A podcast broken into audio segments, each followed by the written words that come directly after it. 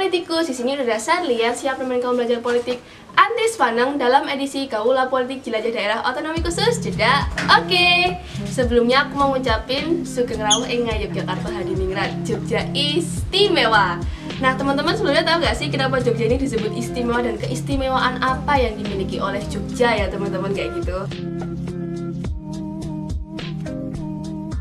Langsung aja kita masuk ke yang pertama tentang peran Jogja buat Indonesia teman-teman. Jadi Jogja ini sangat berjasa ya teman-teman buat Indonesia. Karena dulu itu ceritanya ketika Jakarta ini tidak memungkinkan sebagai daerah ibu kota, maka ibu kota Indonesia dari Jakarta itu dipindahkan ke Jogja teman-teman yang daerahnya lebih kondusif dan lebih aman untuk sebuah ibu kota. Selanjutnya itu ada peristiwa lagi teman-teman namanya peristiwa serangan umum 1 Maret. Nah, peristiwa umum serangan 1 Maret ini dilatar belakangi karena Belanda itu tidak mengakui kemerdekaan Indonesia. Jadi Belanda itu ingin merebut kembali kemerdekaan Indonesia. Nah, maka dari itu perebutan daerah Yogyakarta ini sering dikenal dengan serangan umum 1 Maret untuk menunjukkan di internasional bahwa Indonesia itu ada dan Indonesia itu sudah merdeka, teman-teman.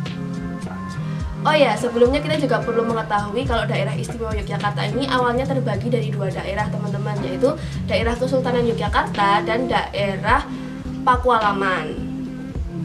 Nah ini kan tadinya masih sendiri-sendiri itu masih berupa kerajaan-kerajaan. Hingga ada muncul amanat 5 September 1945 yang isinya menyatakan bahwa daerah Kesultanan Yogyakarta dan daerah Pakualaman ini berintegrasi masuk ke dalam Indonesia dengan status daerah istimewa teman-teman. Sebagai konsekuensinya dikasih nih kedua daerah ini status daerah istimewa. Tapi kan ini masih menonjolkan masing-masing ya daerah istimewa Yogyakarta dan daerah istimewa Pakualaman ini. Terus muncul lagi nih amanat 30 Oktober 19 1945 yang isinya itu mereka ini melebur menjadi satu antara daerah Kesultanan Yogyakarta dan daerah istimewa Pakualaman ini menjadi satu yaitu daerah istimewa Yogyakarta. Nah, mulai dari situ uh, secara politis pengaruh adanya daerah istimewa Yogyakarta ini muncul daerah-daerah otonom kabupaten teman-teman mulai bermunculan kabupaten untuk tingkatan bawahnya kan provinsi terus kabupaten kayak gitu.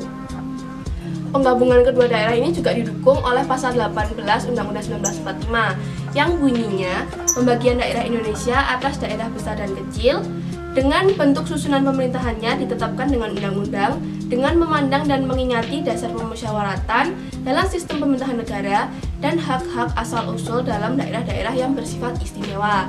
Itu juga muncul habis teman-teman Undang-Undang Nomor 3 Tahun 1950 tentang pembentukan daerah istimewa Yogyakarta. Ini kan undang-undangnya mengalami beberapa kali revisi teman-teman. Nah untuk revisi yang paling baru itu ada di Undang-Undang nomor 13 tahun 2012 teman-teman Tentang keistimewaan daerah istimewa Yogyakarta. Jadi udah istimewa tapi lebih istimewa lagi ya teman-teman setelah diundang dalam, diatur dalam undang-undang ini. Nah, kewenangan dan urusan keistimewaan ini meliputi tata cara pengisian jabatan, kedudukan, tugas, dan wewenang gubernur dan wakil gubernur. Terus ada juga kelembagaan pemerintahan DIY, ada kebudayaan, terus ada pertanahan dan tata ruang. Untuk poin yang pertama nih tadi teman-teman tentang yang gubernur dan wakil gubernur. Jadi gubernur dan wakil gubernurnya yang ada di Jogja itu dipilih langsung oleh presiden teman-teman. Dengan syarat gubernur ini keturunan Sultan Hamengkubuwono langsung dan untuk wakil gubernurnya ini keturunan dari Pakualaman teman-teman.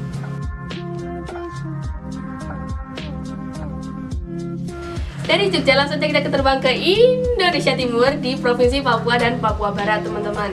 Jadi Papua dan Papua Barat yang kita bahas ini itu tentang otonomi khususnya. Kenapa kok Papua dan Papua Barat ini mendapatkan otonomi khusus? Jadi itu karena dua hal ya teman-teman di sini tuh karena adanya kesenjangan pembangunan dan adanya konflik berkepanjangan teman-teman. Jadi itu kesenjangan pembangunan tuh kenapa sih?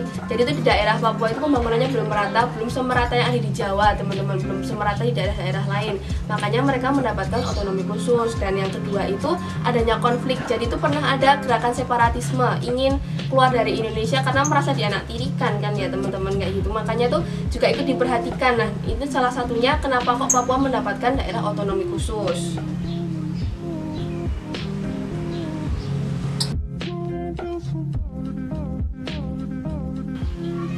Salah satu keistimewaan Papua yaitu tentang kepala daerahnya itu harus anak asli Papua teman-teman. Jadi penduduk asli Papua diberikan kesempatan untuk memimpin daerahnya sendiri secara langsung teman-teman. Mungkin itu aja yang bisa aku sampaikan. Sampai bertemu di edisi jeda. Oke yang lainnya, sampai jumpa